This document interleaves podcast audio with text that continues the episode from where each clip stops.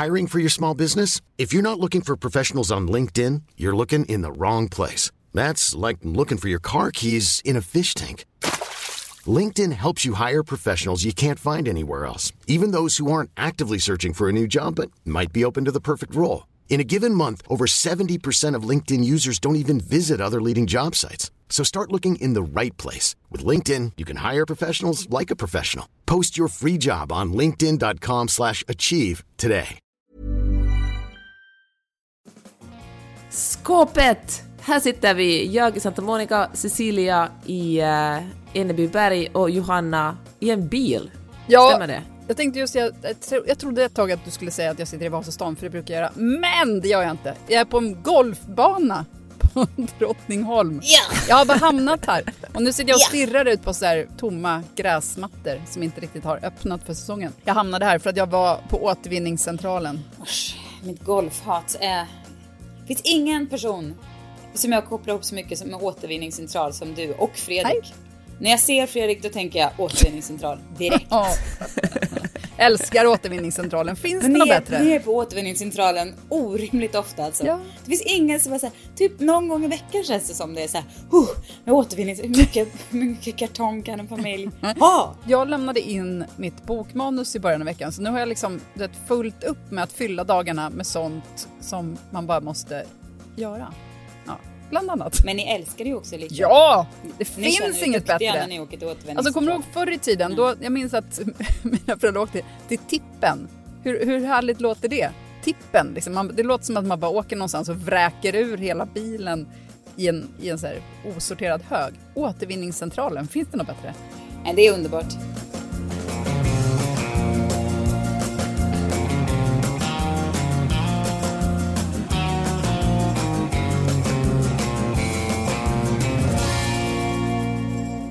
Mitt finaste tippenminne, Lidköpings återvinningscentral. Underbar!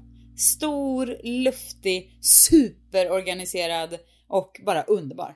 Jag åkte dit, såg en perfekt, alltså du vet hur, hur dyra såna här utomhus, stora utomhuskrukor är. Alltså löjligt dyra. Och s- typ svårt att hitta snygga. Låg en stor jävel blå i där. Och jag bara, kan inte liksom jag kan inte låta det här hända att den ska åka iväg. Men ni vet ju vad som gäller, man får absolut inte ta något från den där. Jag gluttade bort mot vakten, fick en så här, en blink. Jag bara, jag tar det här som ett tydligt tecken, tog krukjäveln. Men vadå, kunde du klättra Helt ner i rätt. containern eller var låg den? Nej men den var så högt, alltså den var full, nästan full, så den låg liksom, så jag nådde den. Jaha. Jag kunde bara sträcka ner armarna och plocka upp den, bamsestor Men är alltså. stor som för ett Den där träd? blicken. Jag tänker också, hur orkade du bära den?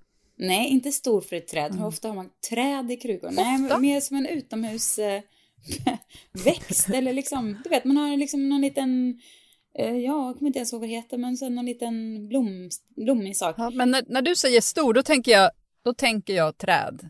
Om du menar blomma, då tänker inte jag stor. Träd. Hur många har träd i krukor? Jättemånga har träd i krukor. Har du sett husdrömmar, stan, när hon ska frakta ner olika jätt... Och då snackar vi stora krukor som är 200 år gamla. Alltså jag älskar husdrömmar, Cecilien. Ja, Mitt bästa program. Jo, jo. Men, nej, men nu ska jag berätta för dig att man brukar ha lite krukor kanske i så här, på sin altan, lite så här i utkanten av att det är fint att ställa någon kruka. Då menar jag, vi snackar en som kanske är 50 gånger 50 ungefär då, i höjd och Ja, okej. bredd. En, en, en rimlig så balkongstorlek. Ja, skulle jag ändå säga. Men ja, den var tung. Mm. Ja, men det var kraften över att ha fått den här otroliga chansen som gjorde att jag bara upp med den. Nu tycker jag vi går över för kruk, från krukor till någonting annat, för jag känner att det är verkligen ingenting att bidra jag kände att du var väldigt tyst. Peppe. Att du verkligen inte brydde dig om det här. Eh, du bara tog en liten powernap. Susanne, du, du har varit, vi har ju saknat dig i två veckor och nu är du äntligen tillbaka. Innan vi kör igång med någonting annat vill jag höra om er, er fantastiska resa. Ja, ja, vi har ju varit i... Det är så frestande att säga Afrika.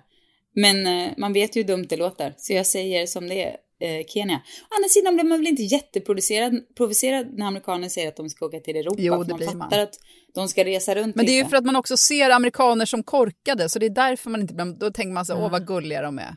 Sådär, du vill ju inte bli sedd som en så här Ja. korkad och gullig. Jo, i och för sig, det vill du. Kanske. Ja, när jag bodde i Buenos Aires kom jag ihåg att folk var jättesura på att man talade om USA som Amerika. De bara “this is America too”, fast på spanska. Este eh, americano soy tu. Nej. Tambien. También, precis. America también. Sa de så?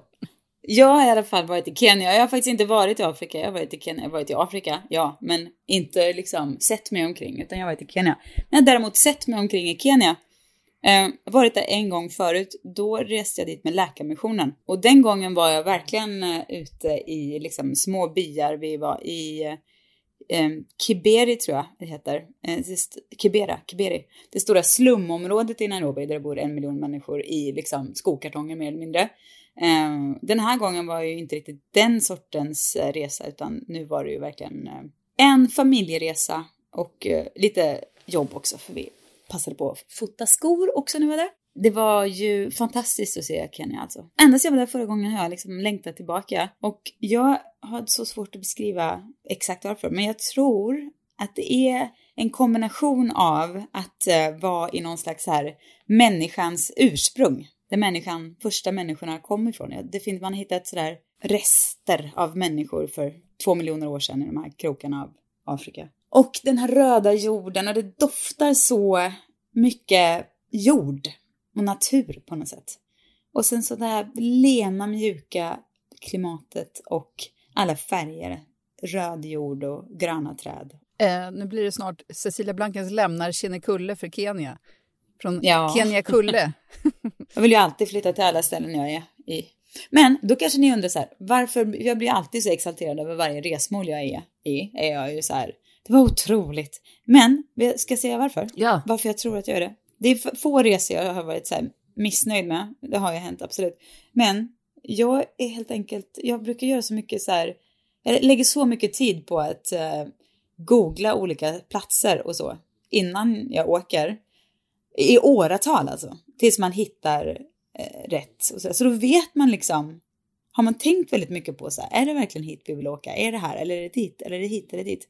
Så när man väl bestämmer sig för ett resmål, då har man liksom verkligen valt det. Och då blir det ju bra. Alltså, du, menar att du håller på och googlar det bara random alla möjliga resmål och sen... Ja, men lite sådär om man hör någon som har varit i, på Färöarna, ja då kanske jag lägger en kväll på att googla Färöarna och se om jag får någon feeling för det liksom. Eller Kap Verde har jag varit inne på också och bara läst, du vet, kollat bilder och funderat på så här, mm, Påskön, sådana här ställen, Argentina jättesugen på. Och så då blir, när man väl sen ringar in sina ställen eller har sin lilla lista i huvudet, då är det ju otroligt när man får komma dit och då, då vet man ju lite vad man har att förvänta sig också, på något sätt. Ursäkta, nu ligger Goldie bredvid och snarkar så högt här. Goldie, håll käft. Okej, nu måste jag fråga, är det okej att resa? Är, det, har vi, är vi förbi flygskam? Är vi förbi eh, kriget i Ukraina? Nej, jag vet inte riktigt, är vi det? Jag, alltså så här, jag, jag fattar ju att jag skulle få skit för att jag reste iväg. Det är ju på ett sätt sjukt att det är så. Att man förstår det.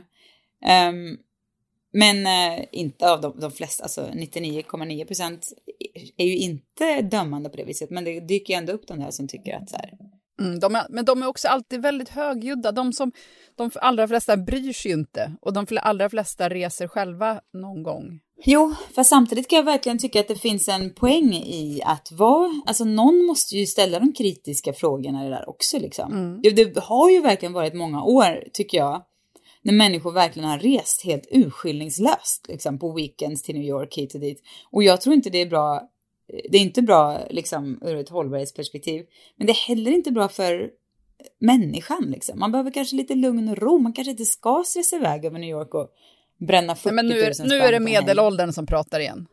Alltså, Det är möjligt. ja. Och herregud, alltså jag har rest till New York så många gånger på olika långhelger tidigare så att det, att, att det känns verkligen helt sinnessjukt vad man höll på. Men d- då var det också så här, man visste ju inte någon, alltså man visste ju inte ens det andra. Nej, man, man visste inte och man förstod kanske inte bättre, men jag kan ändå tycka att det finns något väldigt sunt i hur coronaåren har fått oss att kanske liksom bara tagga Ja, ner lite med absolut. det där flängandet. Ja, men jag skulle ju aldrig flyga på samma sätt igen och jag gissar att de flesta har ju påverkats och dragit ner sitt flygande. Eh, ja. Nej, men det där att dra till Thailand en vecka bara Alltså jag vet inte. Alltså att man bara, åh jag måste ha lite sol. Jag vet inte. Alltså jag tycker att det finns, jag tycker att, jag tycker, alltså jag har ju uppenbarligen åkt på en långresa nu så jag tycker ju upp, liksom obviously att det, att det funkar. Men med det sagt så skulle jag kanske, jag tycker man, ska, man kanske kan resa med lite, lite djupare engagemang än bara att man vill ha sol några dagar. Alltså det mm. finns ju, det måste ju ha ett större syfte resande tänker jag, än att man ska få bli lite solbränd. Mm.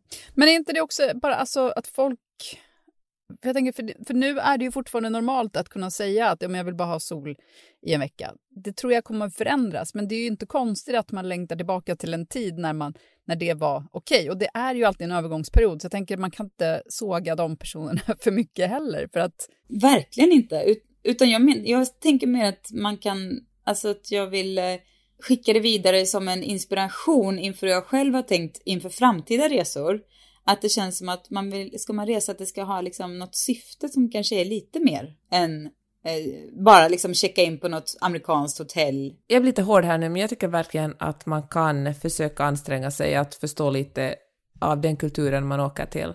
Alltså att ta in på, åka till Phuket då och ta in på ett hotell som ägs av britter eller holländare och, eh, och sen på något sätt tänka, och sen kanske till och med säga så här att men det är väl jättebra för turistnäringen att att jag åker och reser lite, så jag gör egentligen dem en tjänst. Alltså, det tycker jag är ganska förljuget. Men det tror jag också finns jättemånga olika sätt att resa på och ett sätt är ju verkligen att, att se vart, eh, vem anlitar jag, var bor jag, hur, är, men hur är jag på den här, hur ser jag på de människorna som jag, eh, till vars kultur jag reser till. Och jag kanske granska sig själv lite. Jag, vet, jag, jag tycker att vi är förbi stadiet när man kan säga jag vill bara ta in på en all inclusive och ha lite sol i facet. Jag tänker att människor, vi är bättre än så. Mm. Ja, jag har ju varit på sådana resor också när man har gjort det där. Men det är ju så otroligt mycket mer givande att, och jag menar inte att man måste liksom gå kulturvandringar och sådär, men i alla fall Alltså, att man inte, jag tänker på alla amerikaner som åker till Mexiko och liksom tar in på någon resort och så tycker de att de är i Mexiko, men de ser liksom ju bara den här resorten och har inte varit i Mexiko egentligen, utan de ätit samma amerikanska mat och sådär. Den sortens resande är ju, men är man inte beredd att liksom vara nyfiken på platsen man kommer till och liksom ta del av kulturen och maten och folket och visa respekt för platsen på något sätt då ska man kanske inte åka då. Då kanske man får vara i sitt eget land. Och samtidigt, alltså, jag, jag har aldrig varit på en sån resa. Jag har aldrig varit i Thailand överhuvudtaget eller Mexiko eller något sådär. Och jag har aldrig, tror jag, bott på någon all inclusive ställe. Men samtidigt så kan jag absolut förstå dragningen till den sortens resa. Att man tänker att man ska få åka någonstans, bo på ett ställe där all mat bara serveras, drinkarna ingår och man, det enda man gör är att ligga på stranden och läsa en bok i skuggan. Det låter ju otroligt. Alltså jag kan inte såga den. Jag har aldrig gjort det själv, men jag kan absolut inte såga drömmen om det för att det tycker jag låter toppen. Nej, men absolut. Men tänk om man kan hitta, om man bara researchar lite så kanske man kan hitta ett hotell som ägs på lite mer lokala grunder och gagnar det lokala samhället mm. i Thailand. Jag vet inte, men jag menar, man, det tar ju inte jättemycket kraft att, att bara kolla upp det lite. Vad finns det för alternativ och hur liksom jag menar det finns ju oftast mycket mer än bara det som finns på ett mm. hotell. Ja, precis. Men jag tänker det finns säkert också resebyråer som kan göra det jobbet åt den. För att jag känner att jag blir ja, trött ja, bara av tanken på att okej, okay, en till sak jag ska sitta och googla. Då blir jag så här, äh, nej då stannar jag hemma istället.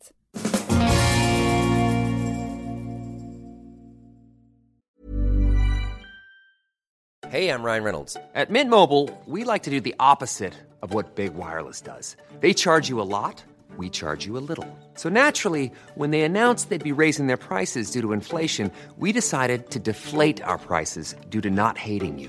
That's right. We're cutting the price of Mint Unlimited from $30 a month to just $15 a month. Give it a try at mintmobile.com slash switch. $45 up front for three months plus taxes and fees. Promo for new customers for limited time. Unlimited more than 40 gigabytes per month. Slows. Full terms at mintmobile.com. Ever catch yourself eating the same flavorless dinner three days in a row? Dreaming of something better? Well, HelloFresh is your guilt-free dream come true, baby. It's me, Gigi Palmer. Let's wake up those taste buds with hot, juicy pecan-crusted chicken or garlic butter shrimp scampi. Mm. Hello Fresh.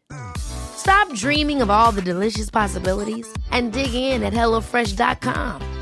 Let's get this dinner party started.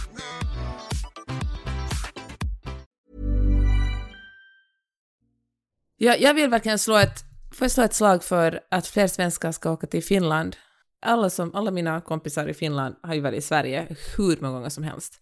Men eh, det är så sällsynt att eh, någon svensk ens har satt foten i Finland. Alltså på sin höjd kanske tagit färjan över och stannat en eftermiddag, gått bakfull på Salutorget och sen åkt hem igen. Så det här får bli the summer of Finland, tycker jag. Vet, men ska jag gissa? Ska jag säga en känsla kring Finland som jag får? Och alltså, jag vet att det här är en fördom, jag har aldrig varit i Finland. men det är att det är väldigt strängt. Och då, känns, då förknippar jag inte det med semester, utan man förknippar det absolut, det är liksom som motsatsen till den här all inclusive, ligga på stranden och bara läsa en bok under ett parasoll. Att det känns som att det är strängt och maten är sträng och eh, folk kommer vara stränga mot dig och man kommer serveras på sin höjd en Koskenkorva. Ren. Utan is. Men då får man gå i, alltså det finns ju verkligen jätte, jättebra restauranger i Helsingfors, kanske till och med bättre än i, i Stockholm måste jag säga. Men, jag det. men jag kan säga, men kanske man bara måste åka då och bejaka den Ja. känslan. Alltså tänka så här, nu, äh, ja så här är det i Finland, man blir liksom lite, man blir förolämpad, man beställer lunch. Mm. Här kommer myggen. Jag, jag bejakar myggen. Nej, alltså det finns otrolig kultur. Och jag måste säga att Helsingfors är ju eller, en så spännande del av, eh, det är ju en, en stad som skiljer sig ganska mycket från resten av eh, de nordiska huvudstäderna. För att det är en så tydlig, ja men vi verkligen en, har en så tydlig eh, del av öst, alltså fan, nu känns det ju inte så bra att sälja in någonting med Ryssland, men precis som Thailand har Ryssland en otrolig kultur, alltså både litterär och arkitektonisk och musikalisk. Och eh, man ser så mycket av, av eh, till exempel rysk eh, arkitektur i Helsingfors. Jag tycker det är en jättefin kombination av, det, av väst och öst som möts där. Mm. Jag håller med. Och jag håller verkligen med om att eh, alltså, Finland och finländare, de är verkligen, jag vet inte, underskattade. Är väl kanske ordet jag... Men för att det, det, det är precis, det är så mycket, finns så mycket så konstiga fördomar och så, men jag tänker på det här, när jag tänker vad jag skulle vilja göra i Finland, eller så här, jag, jag lockas alltid av tanken på att åka till platser där man skulle kunna försvinna. att man kan åka till... Ingen skulle märka om du bara, så här, om du bara, Nej. du bara försvinner ut i skogen och sen så märker ingen dig Ja, någonsin igen. aldrig kom, ja. Jag bara försvinner liksom, för jag kan bara gå, typ åka till södra Argentina och bara försvinna. Eller lite, den Ja, känslan förstår också i Kenya, så mycket folk överallt. Verkligen. Ja, det är så mycket folk i Kenya så det är nog svårt att försvinna där. Men det är ändå känslan av att man så här skulle kunna bara simma ut i havs och liksom, eller bara knalla iväg på någon savann och försvinna. Den känslan som är, alltså, jag vet inte om det är någon slags frihetskänsla jag gillar det, jag vet inte, men jag älskar tanken på det. Och jag säger ofta det också när jag pratar med barn, men ti- hit kan man bara åka och försvinna. De bara, Vadå? Är det en bra du? Jag tycker att det låter lite grann som en så här stresshanteringsgrej. Att, Att få vara i fred. när, man, när man känner sig lite överväldigad av övriga livet så vill man bara försvinna. Det är inte konstigt. Inte så, alltså inte, inte dödslängtan Nej, nej, om, nej. utan det är nej. mer Bara ett annat liv. Ja, precis. Eller kanske att jag tror att det är så här, någon så här otrolig känsla av trygghet. Att man bara, nu är det bara liksom naturen och planeten som, och jag. Nu får de liksom ta hand om mig här. Jag vet inte, någon slags trygghets... det inte, har vi i Finland. Det är luddigt, men När jag sitter här och stirrar ut över den här golfbanan som jag är parkerad vid, då ser jag ser Ja. som en trädunge liksom i mitten av golfbanan och det ser ut som att det är ett litet hus där. Jag tänker att där skulle du kunna Ja. försvinna. Ingen kommer till det huset. Absolut ingen försvinnarkänsla på golfbanan. men åka upp till norra Finland och så simma naken i sjöar och inte en människa någonstans och jag kan försvinna. Ja, vi simmar ju alltså. alltid nakna i Finland.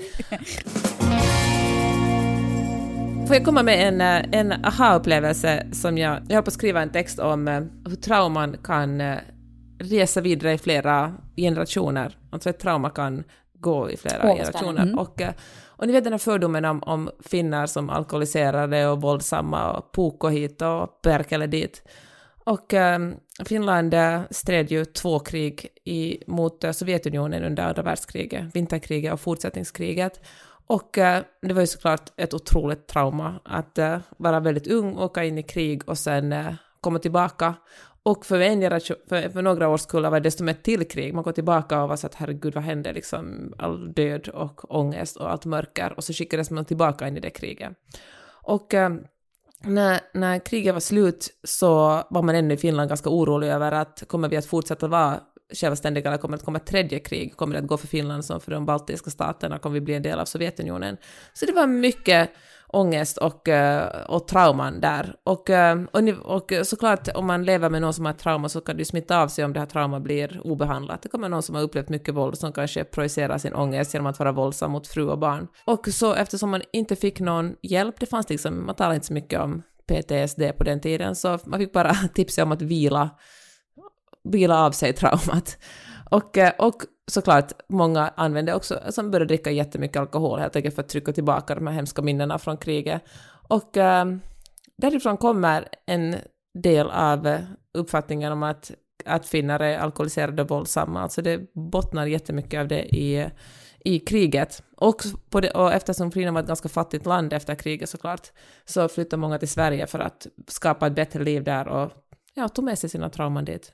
Ja men verkligen. Jag ähm, växte upp i en stad där som var väldigt mycket finländska. Alltså, vilken generation kan det ha varit då? Det var ju alltså vår, alltså mina klasskompisars föräldrar då, kanske Var... som ja. hade flyttat, som säger att de var födda efter... Ja, men jag tänker så här att de, de som flyttade var säkert barn till människorna som upplevde kriget, som kanske hade vuxit upp med en pappa som var alkoholiserad eller våldsam, ja. flyttade till Sverige och bar med sig det här traumat och fick barn som gick på din klass. Och jobbade ju stenhårt i fabrikerna och sådär.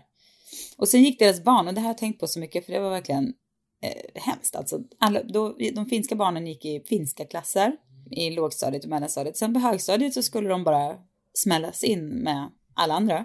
Och det var många som inte, som knappt kunde svenska alltså. Halk blev ju utanför direkt i skolan. Och mm. ja, men då var det kört från där liksom helt i onödan på något sätt. Jag kan tänka mig så här, att man, man minns ju, om man vet vad som hände ens, till exempel, alltså ens farmor och farfar säger vi, då bär man ju med, alltså då kan man ju bära deras, alltså minnet av att de hade det hemskt. Och det blir en del av ens historia nästan. Känner, tänker jag. Förstår ni vad jag menar? Att så länge ja. man har en relation, alltså det är svårt för mig att, att känna mm. något för min eh, morfars mor till exempel. För att henne har jag aldrig träffat, men... Och jag tror att det här också handlar om att, att man verkligen påverkat, att som man själv lider av ett trauma och liksom projicerar det genom våld och alkoholism, då blir det ju ett väldigt, det är inte bara en känsla, utan det blir väldigt, att som barn växa upp i ett hem mm. där föräldrarna lider av psykisk ohälsa ju... Ja, men precis. Kan man ju, om man, det går obehandlat för barnen så kan de ju ta med till sina barn och sen kan det gå hur långt som helst, tänker jag. Att då är det kanske inte exakt den upplevelsen som, som far och morföräldern har varit med om, utan egentligen bara det de, hur, sättet de projicerade på sina barn. Ja, ja men exakt. Men hörni, snart är det ju sommar igen och man kanske ska ge sig ut på en liten resa någonstans. Och då tänker jag, ska vi tipsa om härliga resmål near and far eh, som vi tycker är värda att eh, resa till eh, förr eller senare? Ja. Vissa kan ju vara sådana där man kan, jag menar, ha framför sig.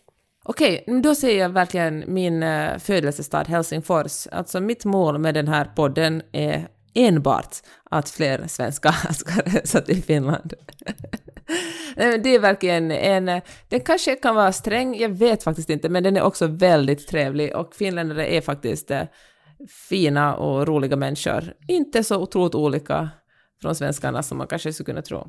Min, min, inbild, alltså min bild av strängheten bygger inte på någonting. Det är bara rent bara ett intryck, en fördom.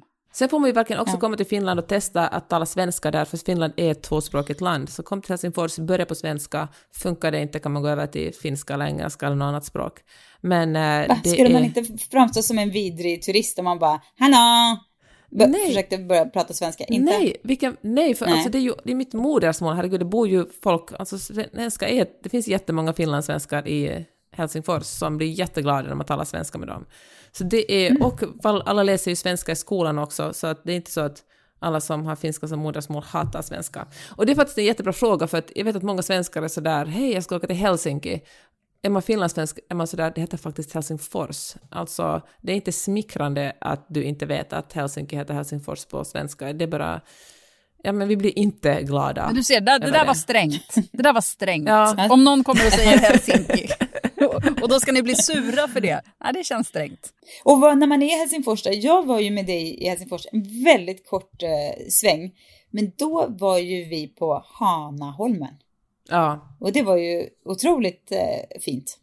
Ja, men det är ett jättefint eh, så här, hotell som också ordnar konferenser utanför, precis utanför Helsingfors, alldeles vid havet. Man kan gå på morgondopp och så kan man, kan man eh, bada lite bastu och det finns en fin pool och otrolig utsikt. Det är jättefint. Alltså Finland har jättefin design och arkitektur, vill jag verkligen poängtera. Vi har jättefina konstnärer också. Men eh, om man är inne i Helsingfors, ät på The Cock som är en otroligt bra restaurang. Vill man äta på en riktigt traditionell eh, finsk restaurang ska man gå till Kosmos. Där kommer där dess grejer, de är väldigt stränga och eh, fyrkantiga med jättegod finsk mat. Och så här rysk också, blinierna är jättegoda där. Eh, uh, Ateneum, jättefint konstmuseum. Ta färjan ut till Sveaborg, och, uh, som är en ö precis utanför uh, Helsingfors. Alltså, köp bär på Salutorget. Så mycket fina platser att besöka där. Men Peppe, sen vill jag, då vill jag också lägga till, när du och jag åkte dit så åkte vi färja. Vad var det för färjelinje? Vilken var det? Viking Line. Då hade vi liksom en hytt längst fram i fören typ. Just Jag det. har aldrig sovit så bra. Alltså det var så, du vet man blundade och så bara tio timmar senare öppnade man ögonen och visste inte vad som hade hänt.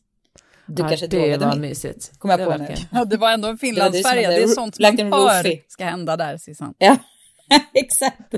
Jaha. Peppe bara Ja, betedde sig som man gör på en finlandsfärja när hon drogade dig.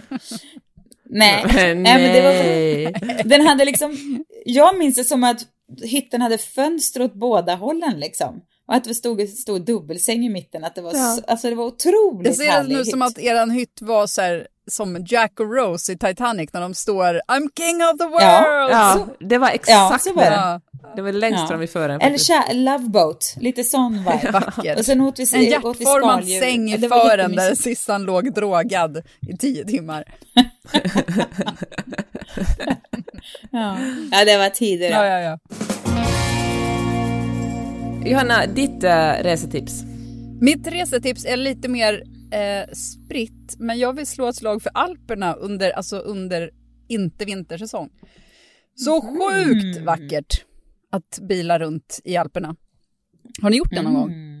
Om det är så Sound of Music-känslan och nej, det, det är så fint. Ja, som barn faktiskt, så det är några år sedan. Men det får mig tänka på, det, vi var uppe i Mammoth Mountain på sommaren för några år sedan och det är ju inte Alperna, men det var också, det är ju otroligt fint att, eh, att besöka sådana ställen där man, folk tror att man bara kan åka skidor och så åker man till ett, eh, och så är det så otroligt fint på somrarna också. Verkligen. Lågsäsong tycker jag oftast är liksom den bästa tiden på olika platser. Och eh, alltså, i och för sig, Ja. alltså, sommaren i Alperna är väl inte riktigt lågsäsong för att det är ju mycket folk där då också som har fattat sånt där. Fast jag hade inte fattat det innan jag var där eh, första gången för några år sedan. Så det vill jag slå ett slag för. Sen vill jag också tipsa om i Sverige, min favoritpizzeria som heter Folk i Lund. Om man passerar, eller bor där, eller bor man där har man ju såklart redan varit där. Men det är otrolig pizza. Jaså? Mm. Bra tips. Är ni någonsin i Lund? Åk till Ja, nu blev jag nyfiken. pizzerian Folk. Den här pizzerian säger du. Mhm. Då, jag skulle vilja tipsa om två, jag som jag har ju hjärtat i eh, Västergötland, eh, vill tipsa om två platser i mina eh, krokar, eh, nära där. Och ja, jag behöver väl inte ens nämna Kinnekulle, men det är där jag är på somrarna och det är ju en sån otroligt eh, fin plats. Det har liksom på många sätt samma, samma, vad ska man säga, flora som Gotland, för det är så här kalkrik mark och stenbrott och sådär. Men det är liksom inga stockholmare, utan det är bara eh, ja, otroligt fina gårdar och eh, ja, det är, också kan man bada i eh, Vänern och eh, det är jätte, jättefint och trevligt. Men det var faktiskt inte det jag skulle tipsa om, utan om, från om man åker liksom efter Kinnekulle åker man till Lidköping så åker man längst ut på Kollans ö till ett ställe som heter Spiken där man kan köpa rökt makrill och lägga på en knäckemacka och äta och så. Därifrån så får man hitta, det finns liksom gobbar, fiskegobbar som man kan eh, dela till sig så att de kan skjutsa ut den till Lura som ligger mitt i Vänern. En ö där det finns ett vandrarhem. Där kan man verkligen försvinna. Alltså du vet en ö mitt i Vänern. Eh, och ett vandrarhem som inte har, det var ju inte rinnande vatten och så, men på de här öarna där ute. Förlåt, får jag bara fråga här nu, för att min, min bild av ditt försvinnande skulle snarare vara att du försvinner där det inte finns något folk. Men om det finns en ö i Vänern där det finns ett enda vandrarhem, då kan man ju inte försvinna. Då kommer det Jo. komma folk igen nästa dag som ser dig. Jo, ja, ja, okej, kanske inte i nutid då, men tänk dig att leva där ute. Ah, ja, ja. De som Okej. gjorde det, när det fanns en skola på, det fanns liksom Djurö, Lure och typ någon jävla ö till. och så, så leva där ute. Ja. Det var, du vet, det fanns en skola på den här ön där det gick fem barn. Och då fick de gå över isen på vintrarna och sånt där. Helt sjukt. Mm. Men det är ju inte knökafullt med folk där på somrarna heller. Det finns kanske fyra, fem rum eller något sånt där. Men då har man hela den här ön för sig själv och man går och knallar bort i andra änden av ön och badar och sen så äter de har jätte, en restaurang som är verkligen helt bättre än helt okej. Och så är det väldigt enkelt och väldigt, väldigt, väldigt härligt. Så Lura, mitt, mitt i Vänern. Underbart ställe. Och sen när man ändå är där i krokarna så vill jag också tipsa om Tiveden som är en är det nationalpark? Jag tänker mig, jag har så svårt att komma ihåg de där orden. Men det finns väl ungefär 40 nationalparker i Sverige. Och Bauer, ni vet, eh, han... eh, John Bauer. Precis. Ja, hans teckningar av troll och sådär. Mm. Han, eh, har, han har tecknat sina bilder från Tiveden. Det är så Oh, här så det är dit man åker när man vill se trollen? Ja, det är dit man åker när man vill se trollen. Precis. Nej, men det är stora stenbumlingar och urskog och eh, bara så otroligt fint. Och eh, jag och Per bodde där, bodde där, bodde glampade där förra året och hade kanothelg. Så vi fick varsin kanot, ett jättelyxigt tält och så här all inclusive med mat och så där. Så paddlar man ut till en liten ö. Då är man naken och solar hela dagen. Underbart. Och sen man paddla hem igen. Ja, underbart. Gud, nu skulle jag önska att jag hade något så här riktigt glammigt, för nu känns det som att vi är tre stycken eh, riktigt Ursäkta, präk- präktiga Helsingfors. personer. Ja, Helsingfors var väl då kanske mindre präktigt, men jag känner att nu har jag pratat om att åka till Alperna och kolla runt och du har tipsat om det där. Vi är otroligt präktiga nu. Det finns inget spännande här. Är det Va? bara jag som Det känner är så? jättespännande. Ja, men det är klart det är spännande, det är jättetrevligt, men det finns inget så här, eh, ni förstår vad jag menar. Jag säger det bara. Du vill säga medelålders? ja, lite så. Men det finns ingen glamour i det här. Jag vill hitta någon eh, glamour. Jaha, Mm. du vill ha glamour? Ja, men jag känner bara att det, Ja, ja. det är sorgligt när man inser att ja, men det, det, visst, det är det här vi gillar, men alltså, man gillar ju även glamouren. Fast ibland så, just nu så känns det också helt fel att erkänna att man gillar glamouren för att det finns för mycket misär i världen samtidigt. Kan ni inte känna det? Mm. Ja, Man- verkligen. Nej, nej, Ja, men, men jag- gud, så kan man väl inte tänka, snälla nån. Jo, men Bara, för att nej, folk blir provocerade. glamour. Jag känner så här Tänk att om jag satt och tänkte, jag satt och funderade på något, om jag skulle köpa ett halsband häromdagen och sen bara insåg jag, men gud, jag kan inte sitta här och snacka halsband. För att folk, ja men, ja, folk kan bli provocerade i dessa tider, som jag också var ett uttryck jag trodde man skulle ha slutat använda. Jag tycker det är en bra poäng för att människor, jag talade med en, annan, en kompis med ganska många följare på Instagram och hon sa samma sak. Hon sa att hon vet verkligen, hon, kan, hon är helt lamslagen kring vad hon ska lägga ut för att allt känns så futtigt med tanke på det som sker i Ukraina, alltså kriget i Ukraina. Jag är inte förbjuden att säga krig, för det här är inte Ryssland. Men jag tänker så att man, folk får väl komma ihåg att eh, det kan, man kan, sam, alltså fler saker kan existera samtidigt. Men eh, samtidigt är det en bra tid just nu att eh, fundera på, kolla, men läsa lite, förs- försöka förstå världen lite bättre. Alltså jag tänker att, att kanske glamouren inte ska handla om att man slår ifrån sig att det finns människor som lider, utan man kan göra båda sakerna samtidigt. Läs Ja, en men riktigt exakt. bra artikel om någonting och uh, unna dig ett uh, smycke eller en resa. Ja, men jag tycker faktiskt inte att det där är så problematiskt alltså, för ingenting blir bättre av att man, att man liksom bara fryser på något sätt. Nej, men det är väl Och klart. sen ska man ju också, även om, även om det är hemska saker som händer i Ukraina så händer det ju, jag menar, bara som någon slags perspektiv under de här veckorna vi var i Kenya så var ju, det var ju inte en jävel som sa ett pip om Ryssland, Ukraina eller att om Sverige skulle vara i någon, alltså det var väl ingen som pratade om det överhuvudtaget, kanske på nyheterna, en liten blänkare när man lyssnar på någon engelskspråkig nyhets, men det var ju inte ett ämne, det var ju inte en, Nej, men det är det klart. inte få, alltså, Nej, men, och jag, jag menar inte heller att man inte ska få hålla på med det när det är krig eller sådär, att man inte ska få tänka på andra saker. Utan det jag menar med är att för att om man håller på med den sortens lättviktiga saker så vill man inte heller behöva diskutera det. Att om du, om du då, säger att jag skulle lägga ut någon grej på Insta och så är det någon som ska kommentera det. Du vet, man, vill ha, man vill ha sitt välmående okommenterat. Och det är under såna här perioder så är det öppnar det upp för att folk ska, ja men du vet som flygskam, att, att, att du får kommentarer kring eran otroligt noga planerade och liksom efterlängtade resa, så kommer det ändå någon som tycker att hur kan du vara ute och flyga? Du vet sånt där. Mm. Man vill inte ha den där... Jo, jag vet, men, mm men på tal om det så har jag faktiskt också tänkt lite ganska mycket på, eh, jag kanske glömde säga det förut, men eller det kanske inte var tillfälle, men det där med flygskam och den här personen, det var en person jag diskuterade med, men som sagt, man visste ju att det skulle komma, så det var ju liksom bara att, eh, ja, alltså jag bryr mig ärligt talat inte, för att jag, jag, det var ju inte liksom att jag bara oj då, utan jag hade ju verkligen tänkt igenom den här resan och valt att åka. Men då man tänker så, då kan, finns det nästan lite, jag kan vara ute och cykla, men det finns nästan något lite privilegierat i att som vit person, eller jag vet inte om den här personen var vit, men västerländsk person i alla fall, säga så här, nej vi ska aldrig, vi kan inte flyga, du får aldrig mer flyga, ingen får flyga. För att det är någonting som jag snabbt och enkelt kan göra för att lätta mitt samvete. Men det tar ju väldigt lite hänsyn till alltså de här länderna som Kenya som är, bara har en ekonomi som blomstrar kanske jag säger, men som ändå växer och man går liksom mot ett, eh, en, en framtid som ser ganska ljus ut och där turismen är en jätteviktig del. Om man bara skulle vara så här, jag tror inte att eh, man som turist, ett land som får mycket positivt ut från turismen, skulle tycka att det var en jättebra idé att man bara klipper av all flygning helt plötsligt. Så därför så ju mer jag tänkte på det kände jag att det är så otroligt lätt att säga att man bara ska så här, flyga aldrig mer för att det är liksom så kan jag sitta och skamma andra för att det är lätt. Men är det liksom hållbart i längden för de länderna till exempel?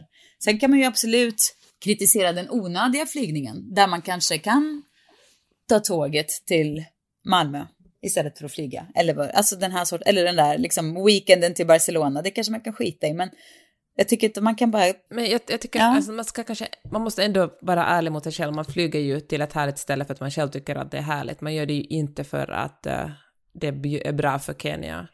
Det, liksom, det menar jag inte. Nej, men jag menar det är ju mer en, en, en sidoeffekt av, alltså mm. eh, alla, alla blir glada liksom, lite grann. Jag bara säger, ja. menar bara att det liksom finns, det är ju så lätt att vara en person som säger nej, hur kan du flyga? Men det finns ju så många layers i det där som man behöver ta hänsyn till. Det är ju inte så enkelt som att bara dra ut sladden liksom och aldrig flyga mer, för att det skulle ju eh, bli komplicerat på många sätt. Däremot så kan man ju absolut se över resandet, men man kan inte vara så kategorisk att man bara säger att så här, eh, ingen ska all, någonsin mer flyga för att det är inte där lösningen finns, tror jag.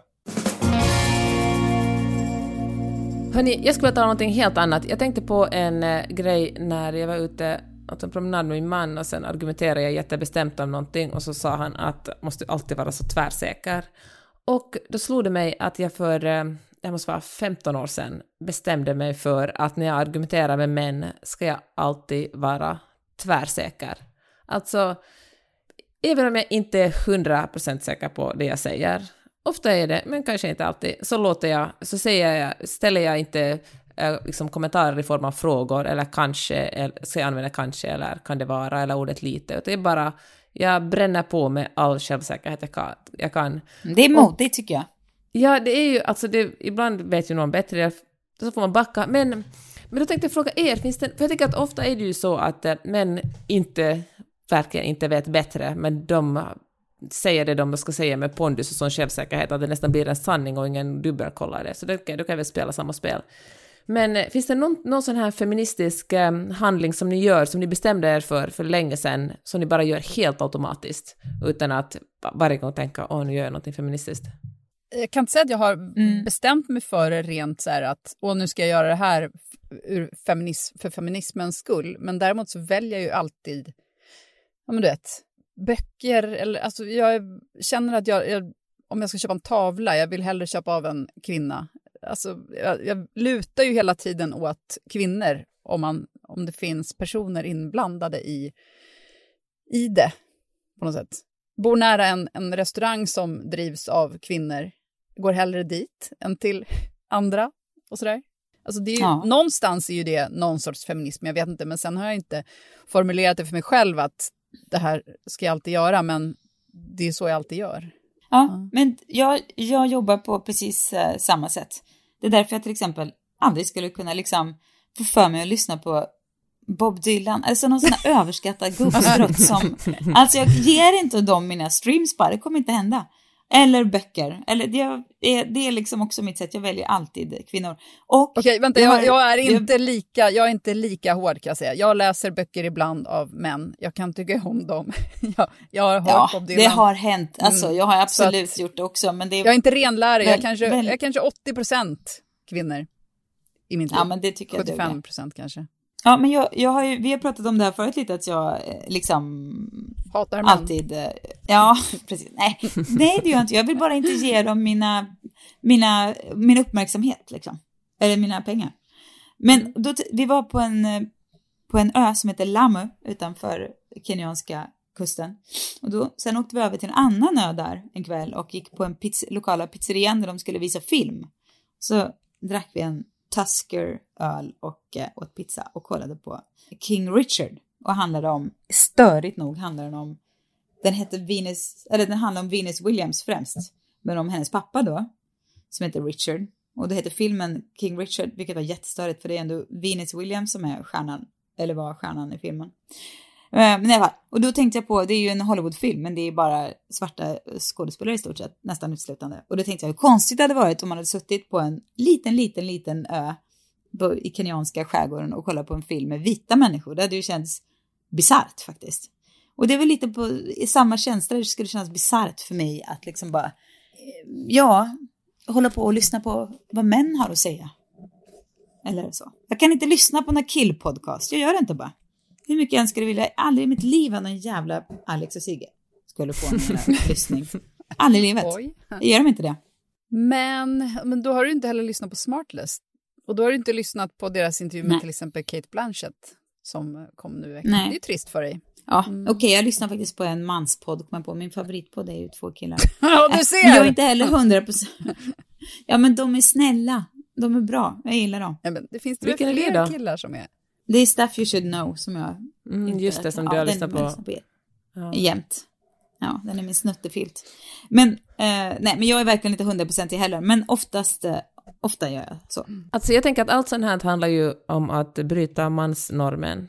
Att vi är så vana att se män i ja, så många och vita människor för den också i vissa roller och positioner. Då är det ju bra att, att bara vänja sig själv och andra av vid det så det blir mer, eh, blir mer mångfald.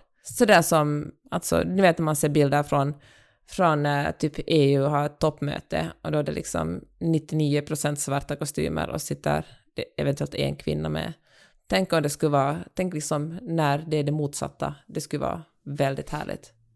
Ja. Ja, men det är ens, det är ens plikt att ifrågasätta det där hela tiden och varje gång. Och har man barn så är det ens extrema plikt att synliggöra det och att uppmärksamma dem på det och att eh, visa att man kan göra skillnad. Åh, det var präktigt igen. Mm. Men också, såg ni en väldigt ofeministisk sak eh, hände i mig igår när jag såg Macron i, sån, i sin hoodie när han vände sig mot kameran. Ja, jag tänkte ta Jag upp bara, det. Varför tycker man Va? att han blev så snygg? Bara för att han satte på sig något Alltså, annat än en kostym. jävla Ja. het! Ja. Du, glöm allt jag sagt. Ge mig en man med makt som kan ta hand om mig. Det var allt jag kände. Ja, men det var, Men så, vet det var riktig, vet du vad, igår, nu, alltså när vi spelar in det här, vad är det för dag? Det är onsdag idag. Och Mm. där handlar det alltså om tisdagen ja, innan öh, podden kommer ut. Men det var i alla fall en stor ägglossningsdag kändes det som. För att det var även det här Kieran Culkin-talet, såg ni det? När han tackar för att han hade fått Nej. Chris, Critics' Choice för eh, Succession. Också jättegullig. Oj, oj, oj. Nej, det, var, det, Oj, det var mycket oj, oj. olika grejer i flödet igår som gjorde att man mådde bra. Ja, Ägglossningen låg som en stor Ja. ä- äggröra och bara dallrade Det var över liksom ägglossningar i hela världen igår. manssläktet. Nu, ska, eh, ska vi köra lite tips eller? För att nu, Ja, nu, bränn, nu bränner det i fickan på mig höll jag på att säga. Men för jag har sett den senaste veckan när jag plöjt igenom två säsonger av en komediserie som heter The other two. Eller The other two. Mm. hur nu betoningen ja, hamnar. Jag har sett den, den är bra. Ja, den finns på Paramount Plus i Sverige. Eh, och den handlar alltså om två personer som är så här, han är wannabe, alltså de är syskon, han är wannabe skådis och hon ville förut bli dansare men hon är liksom misslyckad. Sen har de en lillebrorsa som är, jag tror att han är 13 typ när serien drar igång. Och han slår igenom och blir en så här Justin, Timber, eh, Justin Bieber menar jag. Bieber. Han blir en Justin Bieber och, eh, ja, och hur de påverkas av detta. Och att jag började kolla på den var för att mamman i familjen spelar som Molly Shannon, alltså den här SNL-komiker-legenden. Och, eh, och sen så blev jag bara fast. Och den är rolig och eh, fin och väldigt samtida. Tycker nästan att andra säsongen var bättre än första säsongen. Men den kan jag verkligen rekommendera. Om man vill ha Kul! kul. Jag ska Mm. behöva en ny serie. Det var underbart bra Mm. tips. Tack för det. Varsågod. Jag vill tipsa om när ehm, vi nu har varit på semester i två veckor så har vi på kvällarna eh, laddat ner och kollat på så många eh, Melissa McCarthy-filmer. Inte kanske varenda en, men vi har sett mycket. Säkert sju, åtta stycken eller någonting med familjen. Och det är ju jätte, jättekul. Alltså, det alla tycker det är jätteroligt. Alltså, det passar ju alla åldrar. Till och med Remi som är sju eh, kollar och tycker att det är roligt liksom. Eh, det är ju också i fe, sann feministisk anda är ju, jag älskar möta en person som Melissa McCarthy som varken är liksom normsnygg, smal eller så, utan bara är ett jävla geni, får liksom vara superstjärnan och deras, liksom en person, en bra person att se upp till för, inte minst en sjuårig kille. Så eh, ja, om ni vill, det är bra, alltså alla, alla åldrar, alla barn, man kan förenas kring Melissa McCarthy-filmer. Är det någon ju film som du kan rekommendera mer än de andra? Vilken, om man ska bara kolla, se en. Den här Sp- Spy heter den väl, var ju kul och jättebra. Och sen såg vi, jag kommer inte ens ihåg vad de hette nu. Ja men kolla Netflix bara och börja beta igenom. Mm. Jag Det tänker ju finns mycket. Bridesmaids direkt, men den... Ja, Bridesmaids förstås. Ja, den såg vi faktiskt. Nej, men den, såg, den har vi sett med tjejerna Mm. innan. Det var i det det började. Vi så, började Mm. med den innan vi åkte och sen så bara det fortsatte. Men ehm, jo, vi kollade också på Thunder Force. Eh, som också hade Melissa, också Melissa McCarthy som är eh, någon slags superhjälte. Och eh, The Boss. Också jättekul när hon är, ja den var jättebra allihop. Alltså hon gör ju liksom inte dåliga filmer i stort sett. Så det är bara att gå loss. Jätteroligt och jättebra. Ja. Okej, Ja, nu kommer tips. mitt tips som också har med barn att göra och eh, här kommer först en varning. Det är, alltså det är bara män med i den här, vilket ju är tråkigt. Men om man kan förbise det här handikappet så heter det, finns det en tv-serie som heter Making Fun som handlar om eh, de fyra eller fem snubbar som eh, får tips av ganska små barn om att bygga grejer som är helt, ja men det kan verkligen vara en, en dinosaurie som, som pruttar liksom marshmallows. Och sen bygger de den och eh, vilket är vä- väldigt roligt, eller en, en enhörning som man kan cykla på och som, ja men det är Alltså väldigt barnen bestämmer liksom. Ja, sen, de barnen använder Ah. sin fantasi och säger vi vill att ni bygger det här och sen bygger de det och eh, det är väldigt kul. Det är väldigt, vi brukar riva av ett avsnitt varje kväll och fnissa det. Finns på Netflix, Making Fun. Kul! Bra tips. Hörni, är det dags att stänga skåpdörrarna? Ja, det är det. Men vi kommer tillbaka och tittar ut snart igen. Tack för att ni har lyssnat. Gå in och prenumerera på podden och eh, följ oss på vårt Instagramkonto. Där lägger vi till exempel ut vilka böcker vi ska läsa i, i, i poddens nya bokklubb. Ja, Längtar efter att sätta igång. Vi eh, hörs nästa vecka. Hej då! Hej då! hej då!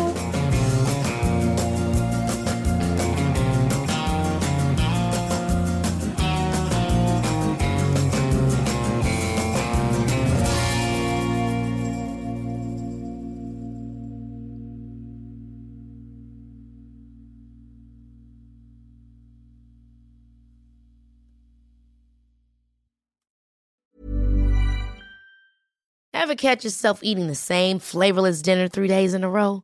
Dreaming of something better? Well, HelloFresh is your guilt-free dream come true, baby. It's me, Kiki Palmer.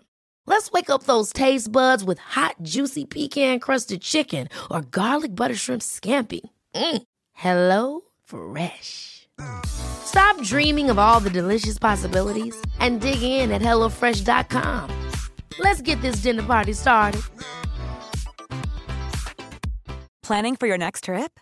Elevate your travel style with Quince. Quince has all the jet setting essentials you'll want for your next getaway, like European linen, premium luggage options, buttery soft Italian leather bags, and so much more. And is all priced at 50 to 80% less than similar brands. Plus, Quince only works with factories that use safe and ethical manufacturing practices. Pack your bags with high-quality essentials you'll be wearing for vacations to come with Quince. Go to quince.com/pack for free shipping and 365-day returns.